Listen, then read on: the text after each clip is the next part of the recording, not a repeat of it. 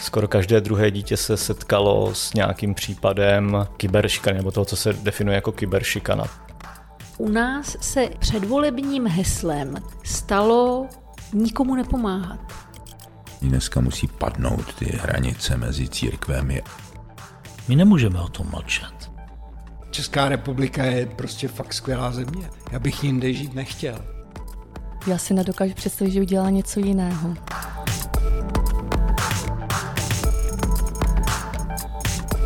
Podcast Pijavice vám přináší portál Gift.cz, díky kterému můžete podpořit dobročinné organizace svým nákupem na internetu, aniž by vás to cokoliv stálo. Organizacím jsme takto poslali už přes 10 milionů korun. Přidejte se k nám na www.gift.cz.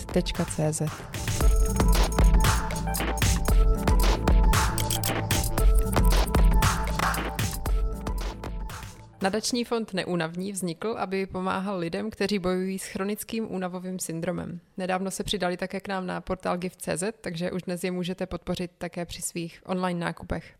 A za námi do Giftu dneska přijel jeho spoluzakladatel a předseda správní rady Petr Homolka. Dobrý den a díky, že jste přijal pozvání.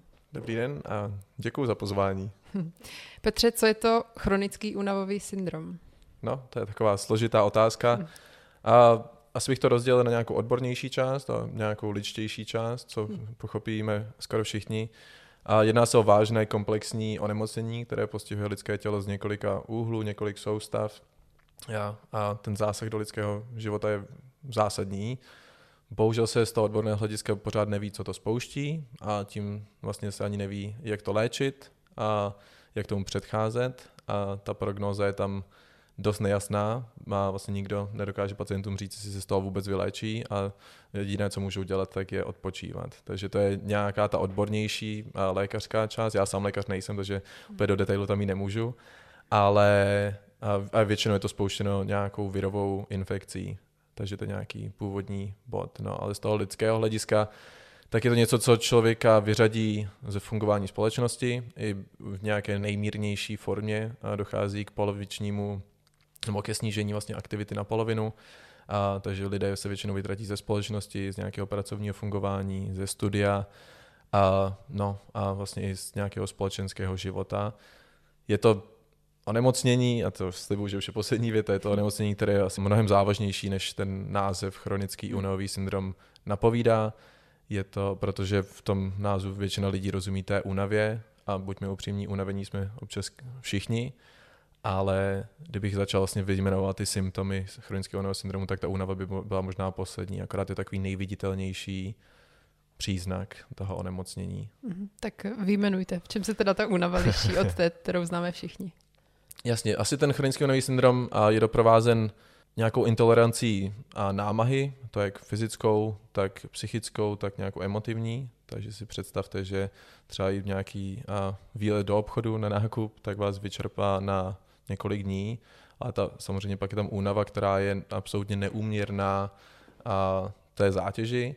Pak tam také dochází k nějakým kognitivním problémům, jako je třeba pacienti velmi často říkají, že mají brain fog, a vlastně taková no, prostě se jim ne, nepřemýšlí dobře, mají problémy třeba s pamětí, senzitivita na světlo, na, na hluk, na, mají problémy s termoregulací, samozřejmě pak a, i nějaké záněty po celém těle jsou tam zvýšené oproti normálnímu zdravému člověku.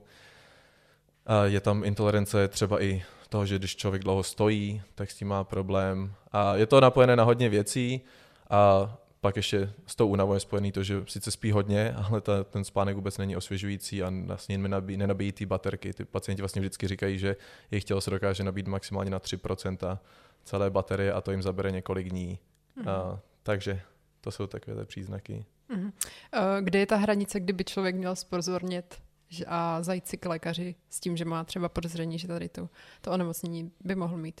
Jo. A myslím si, že ta únava je asi něco, co pacienti začnou pozorovat a první, takže, ale musíme být taky upřímní, že únava je příznak, který je spojený s několika dalšími onemocněními. Takže a, asi obecně si myslím, že to platí nejenom pro pacienty s chronickým únavovým syndromem, ale pro všechny ostatní, že pokud jste unavení nebo pokud máte kognitivní problémy dlouhodobě a vlastně se to nedá vysvětlit ničím, co v životě se vám děje, tak určitě zajděte k praktickému lékaři. u chronického únavového syndromu je to hlavně ta intolerance na zátěž, že vlastně i nějaké malé vyčerpání a vám může zhoršit veškeré ty příznaky na několik dní. Většinou je to dlouhodobé zhoršení, takže zase, když to přeženu, když si zajdete během jednoho dne do práce a pak na nákup, tak spousta pacientům se jim to zhorší. A to je v tom dobrém případě, že vůbec můžou někam jít. Takže někdy to je i třeba čtení knížky a pak vlastně se jim ty stavy zhorší na několik dní. Uh, jaký může mít ta nemoc průběh? Jak to myslíte? Je to tak, že se střídají tady tyhle fáze dlouhodobě? Přijde to prostě jednou za týden, tady ta únava na několik dní? Já si myslím, že to je spíš naopak. A že ta únava je tam většinou, většinu času a pak jednou třeba za týden mají lepší den, kdy můžou třeba vyjít ven a třeba se jí potkat s kamarády nebo můžou trošku pracovat. A to je právě ten problém té, toho onemocnění, že ty, vlastně, tak je to spojeno s velkou nedůvěrou, jak nejenom od lékařů, a protože ta osvěta je tam velmi nízká, ale i od třeba od okolí, a protože ty pacienti vlastně nikdy nedostanou a pozitivní test lékařský, takže i to okolí eh, začne spochybňovat, jestli vůbec něco, něco je, ale to taková, protože se o tom tolik neví, tak taková podstata bohužel toho problému v tuhle chvíli je. A no a pak je vidí jeden den venku a vlastně vypadají normálně a začnou to spochybňovat. Ale abych odpověděl na tu otázku, je to asi spíš nahoru dolů, ale, a, ale většinou je to dole, když to, když to, když to přeženu. Jsou nějaké tři stupně, ne, pardon, čtyři stupně závažnosti, kdy vlastně říkal toho nejmírnějšího stupně, tak se jedná o poloviční snížení té aktivity nebo vlastně schopnosti něco dělat, ale pořád a ty lidi jsou schopni se o sebe postarat a možná mají trošičku, potřebují, můžou, chodit i do práce, ale pak vlastně všechno ostatní musí dát do kolej, takže pak jenom odpočívají. A u toho nejzávažnějšího se bavíme o tom, že potřebují vlastně asistenci se jakoukoliv aktivitou a nedokážou se o sebe bohužel postarat. Takže a, samozřejmě, když máte tu nejmírnější, tak těch lepších dnů a doufám je víc. U těch nejzávažnějších tak je třeba jednou za vlastně skoro nikdy. Takže a určitě to nahoru dolů, ale není to nějakou pravidelností. Uh-huh. Uh, já jsem četla nějakou spojitost s postcovidovým syndromem. Jsou tam nějaké paralely? Dá se to k tomu jako připodobnit? Asi postcovidový syndrom, abych začal, abych to uvedl, tak je takový umbrella term, umbrella název a strašně moc a věcí. Může to být něco jak fyzické mm. poškození a plic, ale pak samozřejmě vidíme, že i to vlastně ta únava mm. a v zahraničí se dosa investuje do toho, aby se, nebo vlastně věnuje tomu i pozornost, investuje se, investuje si peníze, aby se zjistilo, jestli tam ty podobnosti jsou jenom zdánlivé nebo ne. A což si myslíme, že my vlastně my přebíráme ty poznatky z zahraničí, takže v některých zemích se k tomu přistupuje stejně, kde vlastně diagnoza chronického únavého syndromu existuje a tak někteří pacienti s dlouhým covidem jsou diagnostikováni i s chronickým únavovým mm. syndromem. A naštěstí u velké části tady těch dlouhých, dlouhokovidáků, tak a ty, ty symptomy únavy zmizí. Myslím si, že když jsem se koukal na nějaký číslo, tak je to třeba tři čtvrtiny, 80%, ale pak jsou tam samozřejmě lidi, kterým ta únava hmm. nějakým způsobem přetrvá, vlastně popisují jejich stavy stejně jako ten chronický únavý syndrom. A vracím se k tomu, COVID byl taky virová vlastně nemoc, onemocnění, virová infekce a nejčastější hypotéza, jak vzniká chronický únavý syndrom, tak je taky mm. nějaký spouštěč. Takže a ta podobnost tam je, ale říkám, nejsem odborník, nejsem lékař, abych řekl, že to je ta samá věc.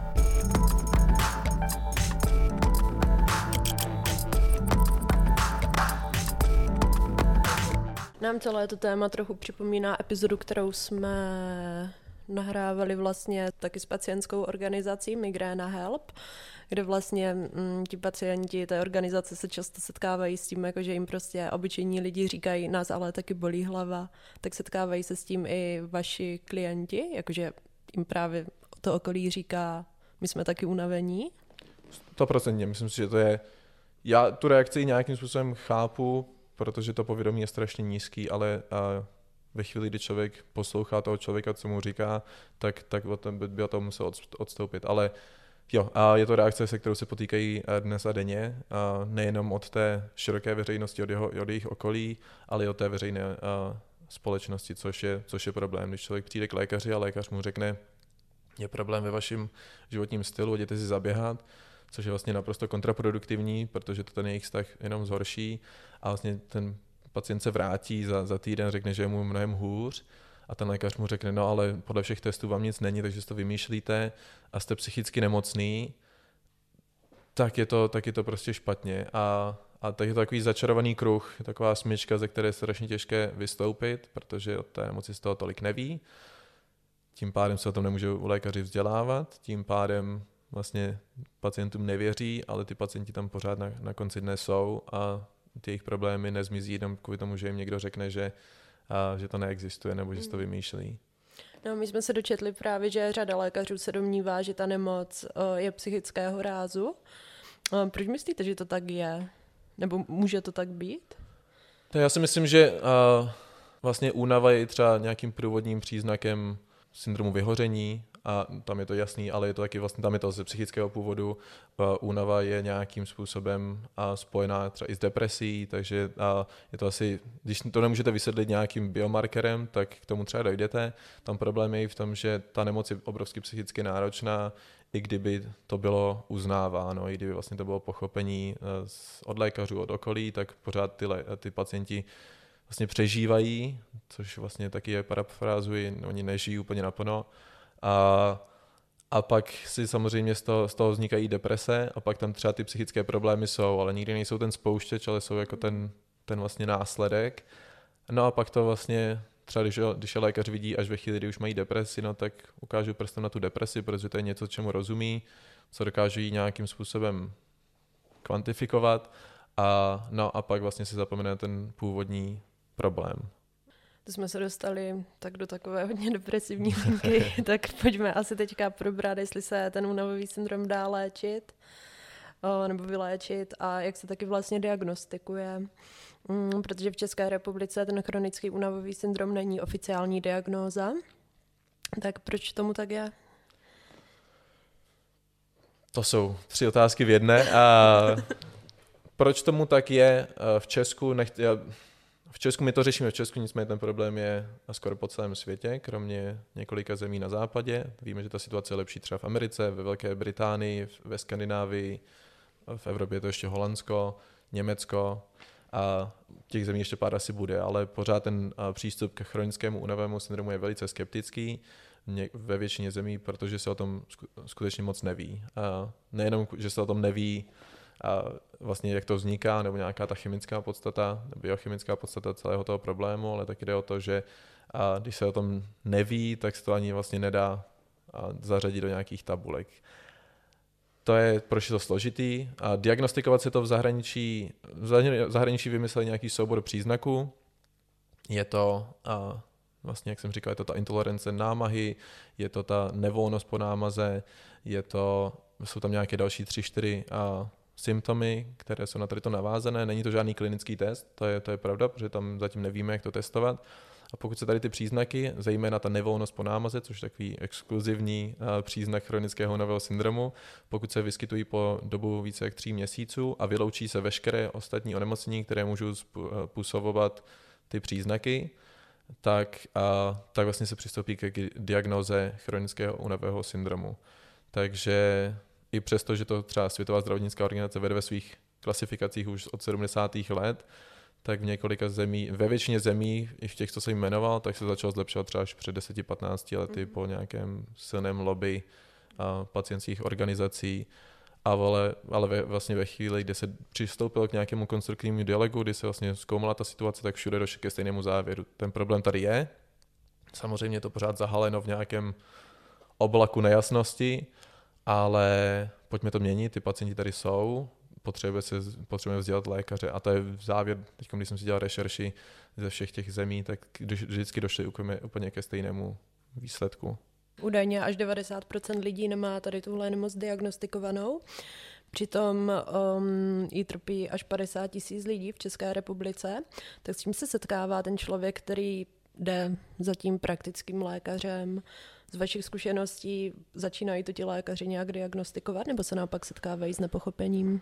Myslím, že v Česku nevidíme nějaké zlepšení zatím. Mm-hmm. A já si myslím, že i to, když jsme se koukali, když jsme si četli nějaké třeba a, studie ze zahraničí, tak i, ten, i tam ten problém pořád mezi lékaři, no to povědomí je velmi nízké, takže ten problém je rozsáhlý. Je to kvůli tomu, že aby se vystoupilo z toho začarovaného kruhu, tak musíme někde říct, tady to reálně to, reálně to existuje a pak na základě tady toho můžete začít vzdělávat lékaře a ty to pak můžou, jí, eh, ty to pak můžou vlastně diagnostikovat, můžou pomáhat pacientům dál. Takže my v Česku pořád jsme v tom kruhu a, a nějak jsme z něj nevystoupili, a takže je to pořád běh na dlouhou tráť, takže v Česku rozhodně zlepšení nevidíme a i ve chvíli, kdy se to podaří a zvrátit a rozsekneme ten kruh, tak, tak to pořád bude trvat nějakou dobu. Tak, to, mm. tak to prostě je. Tak a teď už konečně snad trošku pozitivněji. A dá se ten chronický únavový syndrom nějak léčit, případně i vyléčit? Jo. A pacienti se mohou vyléčit, ale ten primární problém se léčit nedá. Takže vlastně ten jejich stav se může vrátit, nebo může se zlepšit natolik, že vlastně, nepo, vlastně nepocitují ty hlavní příznaky.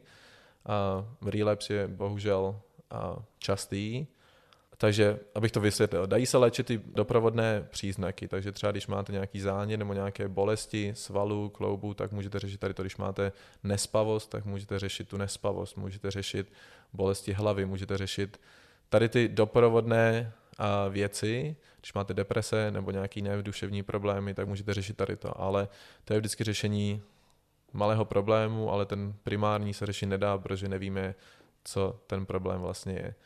A takže, takže vlastně ta naděje tam úplného vyléčení není značná, a, ale vlastně co, co můžou dělat pacienti, tak upravit svůj životní režim a musí začít, a musí začít rozumět svému tělu, a což je takový velký problém. Bohužel ten život se změní, to je asi nějaká, nějaké, nějaké vlastně nějaký fakt, který musíme akceptovat a je to strašně náročný, já si to nemůžu sám představit. No a můžou, můžou se zaměřit na to, pak samozřejmě platí nějaké pravidla zdravého životního stylu, dobrá strava a všichni to známe, to je takový to obecný, ale bohužel ten samotný chronický unový syndrom se léčit nedá, takže tam je důležitý od, a, vlastně odpočinkový režim a no a, a tak nějak udržování si duševní pohody tak, jak moc to jde. Mm-hmm. Existují nějaké rizikové faktory pro tuhle nemoc, nebo dá se jí vhodnou prevencí předejít? Ne, my jsme na nic takového nepřišli, je to spojený vlastně zase s tím, co jsem říkal, že se neví, co to spouští, může to postihnout kohokoliv. Tady, v tom, tady z toho pohledu je to taková férová nemoc, že to není závislé na, na věku, na, na pohlaví, na etniku, na profesi, i když samozřejmě tři ze čtyř pacientů jsou ženy, což, jestli se nepletu, tak je velmi častá statistika u chronických onemocnění. A ten průměrný věk vlastně vzniku nebo toho začátku chronického syndromu je, myslím, okolo 30-40 let, takže to je takový ten průměrný pacient, ale nedá se mu nějak předcházet, bohužel.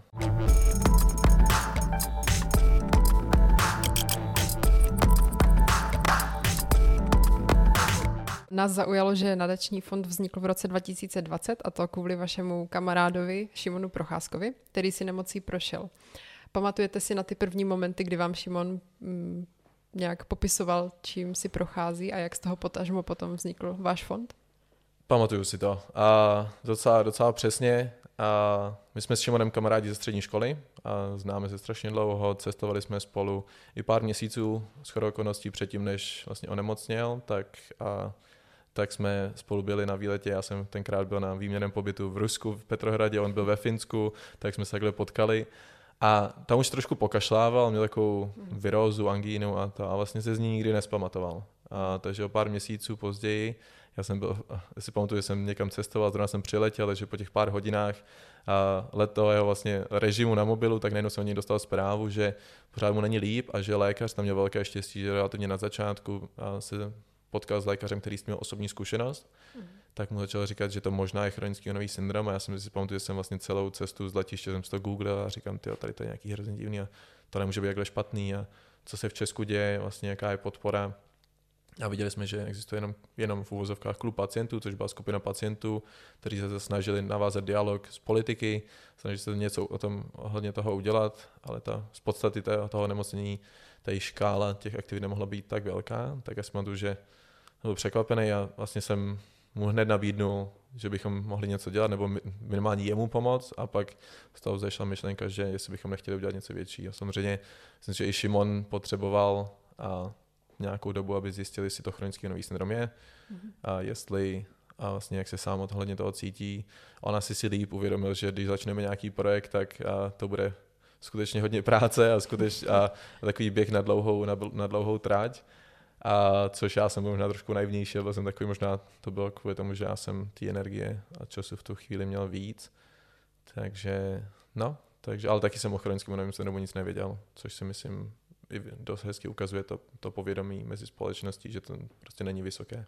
Mhm. A jak teda potom vznikla ta myšlenka, pojďme z toho udělat nadační fond? No asi o rok později jsem Šimona překecal, že teda bychom mohli uh, něco udělat a tak nějak jsme začali říkat, co teda bychom mohli dělat. Viděli jsme, že nechceme hned jít za politikama a začít vlastně říkat, že něco dělají špatně, naopak jsme se chtěli zaměřit na ty pacienty jako takové, chtěli jsme vlastně si získat jejich důvěru, chtěli jsme zjistit, co je trápí v každodenním životě a tak nějak by jejich kamarád a No, takže to bylo vlastně nějak rok později, takže ta, vlastně to rozhodnutí padlo v červnu 2020 a no pak léto nám zabralo tím, že to vlastně to, že jsme si formovali nějakou, nějaký přístup, nějakou strategii, než jsme vymysleli název, tak nám to zabralo a pár měsíců, pak na to se samozřejmě, pak jsme věděli, že to chceme spustit co nejprofesionálněji, co dokážeme, takže vlastně je nějaký, nějaký ten korporátní brand, tak jsme měli nějaký logo, díky kamarádům, designérům, nějakou tu vizu, vlastně vizuální identitu. No a pak jsme oslovili pacienty, takže bylo to takový, jako kdybychom začínali firmu, zase se k tomu vrátím, k tomu, tomu tématu, ale, ale začali jsme neziskový projekt a teď jsme tady. Mm-hmm. Uh, já si představuju, jaké to muselo být pro ty pacienty, když jste je jako oslovili. Tady jsme prostě založili nadační fond pro pacienty přesně jako jste vy. To muselo být úplně jako skvělá zpráva pro ně. Jo, ne. A, a zase, to, zase to chápu, protože a, v Česku vlastně jediný způsob, jak oslovit větší skupinu pacientů naraz, je facebooková skupina, která je vedená už dlouhodobě jednou z pacientek. A tak tam jsme řekli, no, tak jsme tady, tak jsme neunavní, tady jsme takhle ve čtyřech, co jsme byli na začátku. Jeden z nás je pacient, nechceme vám úplně říct, který to je, protože jsme nevěděli, jak to komunikovat, tam jsme se taky naučili hrozně moc a chceme vám pomoct. Ale tam musíme taky pochopit, že ta důvěra k externímu světu o těch pacientů už byli tolikrát zklamaní mm. ze všech různých stran, že viděli, když to řeknu úplně na, na rovinu, tak asi viděli skupinu čtyř mladých uh, týpků, který se chtěli na něčem vlastně přiživit, mm. tak nám zabralo asi nějakou dobu, než to vysvětlíme. Samozřejmě na Facebooku tam všichni komentovali, někdo nás osočoval a já vlastně jsem mi to nezazlíval, ale nevi, byli jsme z toho překvapení, ale myslím si, že teď už s ním máme dobrý a že nás podporují. Dají se ty příznaky zmírnit i do té podoby, že ten člověk je schopný žít docela normální život? Asi jsme slyšeli o pár lidech, kteří se z toho vyléčili uh-huh. do nějaké určité míry. Ty příznaky se dají dočasně zlepšit, pokud s tím pořád máte problém. Že vlastně pokud se zaměříte na ten odpočinek, víte, že třeba za tři týdny potřebujete něco dělat, uh-huh. tak se na to můžete připravit a pak na jeden den se můžete vydat ale že by to bylo dlouhodobě kvalitní život, to se říct nedá. Známe případy, kdy lidi pracují, ale mimo tu práci, a z domova většinou, ale mimo tu práci nemají skoro žádný život. Mhm. Ale pracovat musí, protože systém sociální péče pro tady ty pacienty v Česku není úplně dobře nastaven. K tomu se ještě dostaneme. Jak je na tom Šimon dneska? Myslím si, že co se týká to onemocnění, tak je na tom dost podobně, že má lepší dny, má horší dny, takže si nemyslím, že se to nějak drasticky změnilo, což je ale taky vlastně už po tři a půl letech je to tři a půl, dvou a půl letech je to docela, vlastně to je pro nás nepředstavitelný, pro zdraví lidi. Naučil se s ním asi žít líp, takže umí poslouchat to své tělo, takže on na minimální úvazek pracuje, aby měl nějaký příjem a věnuje se neunavným, a, ale ten život se mu změnil. To byl nejnajetější člověk, kterého jsem znal, nejvíc energie, sportoval, takže tam bohužel a už to takový není. Mm-hmm. už jsme probrali nějaké ty fyzické nebo fyziologické symptomy. Jak se tyto problémy potom otisknou do toho běžného života, do toho sociálního života? Já jsem to zmínil a já bych to asi přirovnal k tomu, když, a myslím, že COVID nám tady v tom trošičku pomohl, že to dokážeme teď, ta paralela tam je, když si vzpomeneme na první dva, tři týdny COVIDu, a zvlášť pro lidi, kteří tím třeba i onemocněli, tak jsme se buď báli víc z ložnice, když to hodně, hodně přeženu, anebo jsme nemohli víc z ložnice, protože jsme byli v karanténě. A tady taková denní realita pro ty lidi. Ale oni by chtěli ven, mm. my, jsme, my jsme úplně nemohli, takže oni tam vlastně, a oni jsou i většinou omezení na ten, na ten svůj domov. Většina z nich bohužel musí přerušit a pracovní úvazek, to je když jsem se koukal na nějaké statistiky, jak je to třeba 80-90%, tak tam jde buď k nějaký úpravě nebo na, na úplně, k úplnému vlastně předušení pracovní činnosti či studia u mladších lidí. No a protože jste doma, moc toho dělat nemůžete, i když byste chtěli. No, vypadnete ze svých společenských kruhů. Prostě si představte, mm. že máte covid, který nekončí, vlastně se všemi těmi praktickými dopady. Takže já bych, já bych to rád prodal nějak pozitivněji, ale, ale, ale bohužel se to, bohužel ne to tak je. Epizodě.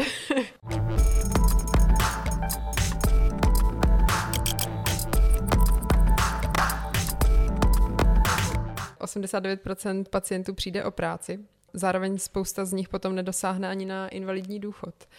Eh, jaké východisko z toho vidí váš nadační fond? My se dlouhodobě snažíme navázat komunikaci s ministerstvem zdravotnictví a s ministerstvem práce a sociálních věcí. Ministerstvo zdravotnictví má v gesci samozřejmě ten zdravotní lékařský přístup k tomu celému problému a, a Částečně se o to odvíjí ta sociální politika, třeba přiznávání invalidity a pak samozřejmě i další nástroje sociální péče v Česku. A ministerstvo práce je nám trošičku otevřenější, s tím se vlastně potkáváme i zítra a tak uvidíme, co z toho, co z toho vzejde. My jim potřebujeme vysvětlit, že ten problém je a v Česku narážíme na problém, že odborná společnost a lékařská, česká lékařská společnost Jana Evangelisty Purkyně vlastně dlouhodobě odmítá tady tu diagnózu a a nezáleží na tom, jakým, jakým vědeckým pokrokům se dojde v zahraničí nebo jak se vlastně změní ten přístup. A tady to je hlavní poradní orgán víceméně, když se týká tady těch otázek, mají na to takový monopol. Takže my doufáme, že navázáním nějakého dialogu od začátku chceme, jsme chtěli být konstruktivní, nechtěli jsme ukazovat prstem, nechtěli jsme nadávat, což je možná trošičku naivní a taky trošičku ne, ne, neefektivní. Takže a Chceme to, chceme přesvědčit, že ten problém je, že ať tomu budeme říkat jakkoliv, a zase vracím k tomu, že ten název je zavádějící, ta skupina pacientů tady nějak je. V Česku ale bych se vrátil k té otázce. Teoreticky má nárok na invalidní důchod, což je takový nejvizibilnější nástroj té sociální péče. Každý, kdo má nějaký zdravotní problém, se vlastně zjednodušeně porovnává ta aktivita před a po onemocnění a na základě toho se nějak vlastně udá ten stupeň invalidity a příspěvek potom. Ale tím, že tady ta diagnóza je tak nejasná a vlastně od lékaře se vracíme k tomu začarovanému kruhu. Od lékaře vlastně nikdo nedostane papír, mm-hmm. máte chronický onový syndrom a máte tady ty dopady a pak to není v těch tabulkách, tak vlastně nedochází k nějakému adekvátnímu a, přiznání invalidity, což je vlastně zase součást toho začarovaného kruhu, kdy se vracíme, že není tady to, tak nemůže být ani tady to. Takže my musíme přesvědčit o tom, že je potřeba změnit přístup chronickému novému syndromu a že ho musíme zohlednit v těch tabulkách, protože ze zkušenosti pacientů víme, že dostanou buď naprosto minimální příspěvek na nějakou jinou diagnózu, třeba na duševní onemocnění, mm-hmm. které, si, které se u nich vyvine v důsledku, mm-hmm. anebo nedostanou vůbec nic. Mm-hmm. Co tady těmto lidem, kteří přijdou o práci, eh, potažmo jsou vyloučeni z toho sociálního života, eh, nabízí váš nadační fond, jak jim dokážete pomoci? My strukturujeme tu naší aktivitu do asi takových pěti oblastí. A máme, už jsem tady zmínil téma duševního zdraví několikrát, takže vlastně nabízíme zadarmo skupinové online terapie pro pacienty pod vedením profesionálů, takže pokud nějaký pacient nás slyší, tak neváhejte, napište nám, do toho vás zapojíme. Chceme samozřejmě udělat nějakou osvětu ohledně toho duševního zdraví u pacientů s chronickým únavovým syndromem. Takže to je duševní zdraví. Pak osvěta jako taková mezi lékaři a veřejností. Tam se snažíme přímo oslovit praktické lékaře, dát jim, ať je to buď na kongresu, novým posíláním nějakých materiálů jejich ordinací. To si myslíme, že může mít nějaký značný dopad a reálný efekt na jejich životy. Snažíme se propojovat pacienty, buď na Facebooku, nebo mám jednou za měsíc komunitní otevřený hovor, na který se připojí 20-30 pacientů. A je to taková drbárna, je to taková klávosárna, ale prostě si povídáme, občas to má nějakou napojení nebo nějakou, nějaké spojení s chronickým syndromem. Mm. a pak si třeba dáváme, jako si doporučujeme pohádky na Vánoce. Je to, je to od čeho trošičku, ale prostě si povídáme, vůbec tam ne, nespochybňujeme tu diagnózu, naopak snažíme se o to nějak odejít, ale samozřejmě někdy to má i takovou tu přidanou hodnotu, že si ty pacienti dají nějaké typy, které nejsou třeba vždycky nejveselější, ale prostě se baví s někým, kdo si prochází tím samým. Takže to je třetí a samozřejmě nějaká advokační práce, ty politici, odborné společnosti chceme přesvědčit o nějakých změnách. A páté, asi jsme chtěli víc, nebo v tuhle chvíli na to kapacitně nemáme, a jim třeba pomoct v reálném životě. Třeba navázat spolupráci s nějakou organizací, která jim pomůže s nákupem nebo dovážkou a jídla domů nebo s úklidem nebo s takovými praktickými věcmi, se kterými občas tu pomoc potřebují a vlastně kdyby nemuseli vydávat tu energii na tady to, tak se můžu zúčastnit něco, tak se můžu zaměřit něco jiného. Takže tam je to teď zase spíš takové poradenství, kam se obrátit na invalidní důchod a tak. Šimon Procházka, kterého už jsme zmiňovali, někde prohlásil, že ať jsou ty projevy nemoci velmi nepříjemné, tak nejhorší aspekt je to, že ani laická, ani odborná veřejnost o nemoci není dostatečně informovaná. Ten váš nadační fond vznikl v roce 2020, tak máte pocit, že všemi těmi vašimi aktivitami se to posunulo, že se ta informovanost zlepšila, změnila? Asi bychom to hrozně rádi chtěli uh, změřit. Určitě je to pořád v plenkách. Co se nám daří relativně hezky, je dostat to do, do médií, ať buď, buď víc mainstreamových, nebo do podcastů, takhle s dalšími, dalšími organizacemi. Takže tam jsme měli jako několik uh, reportáží, což si myslím, že je velký úspěch. Ví o nás politici, ví o nás pacientská rada, Někteří politici nás podporují, pacientská rada stojí za námi, vlastně budeme se zapojovat i do dalších pacientských organizací nebo asociací, takže si myslím, že tady v tom a, pohledu je to konstruktivní, ale jde to pomalu určitě. A je to takový podnik s nejasným koncem, protože nevíme, co z toho vzejde. Zatím se na to snažíme nahlížet pozitivně, že i když se nám něco nepovede, zase jsme odmítnutí někde, tak je to pořád, když jsme vyzkoušeli nějaký způsob, který nefunguje, tak jdeme na ten mm. další. A vybavíte si něco, co považujete za takový dosavadní největší úspěch? Co se vám tak podařilo?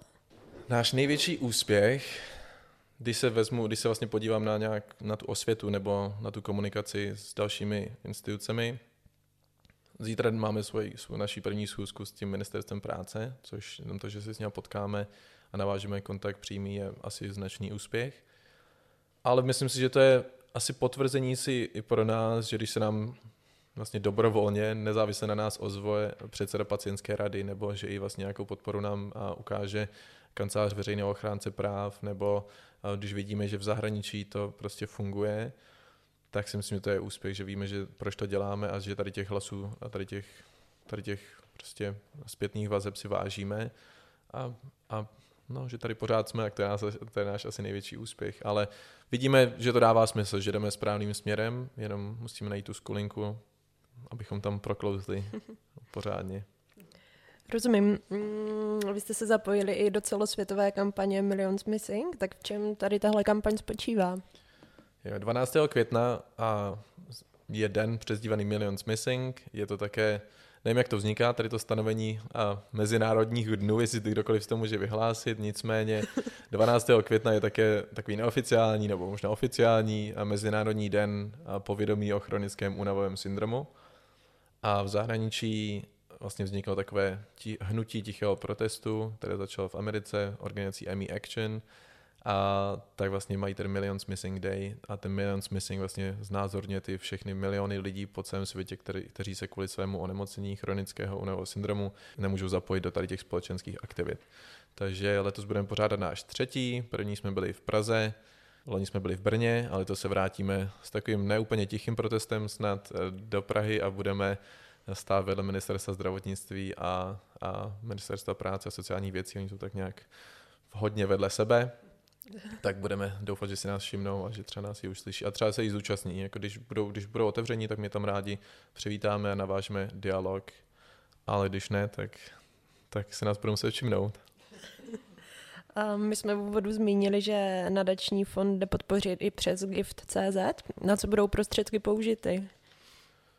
Současnou chvíli, tak naším největším výdajem jsou ty pravidelné skupinové terapie, jelikož to je program, který běží pravidelně několikrát do měsíce A, takže to je náš asi největší výdaj. Myslím si, že zatím naší, jednou z našich největších a, lekcí nebo takových poučení je, kolik se to dá zvládnout bez peněz, bez, jako s malými prostředky.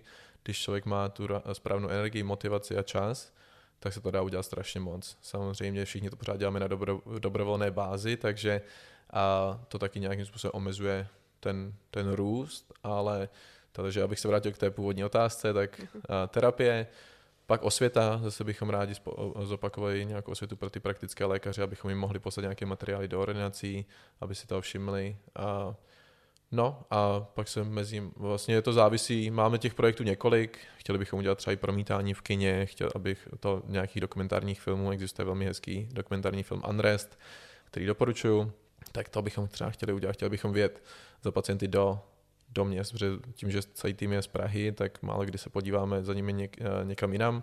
Chtěli bychom to asi z, eh, zorganizovat. A nejsou to velké výdaje, ale všechno to půjde určitě na pacientské služby. Tak Petře, tak moc děkujeme za rozhovor a přejeme, ať se vám daří. Děkuji moc za pozvání a, a ať se vám daří taky.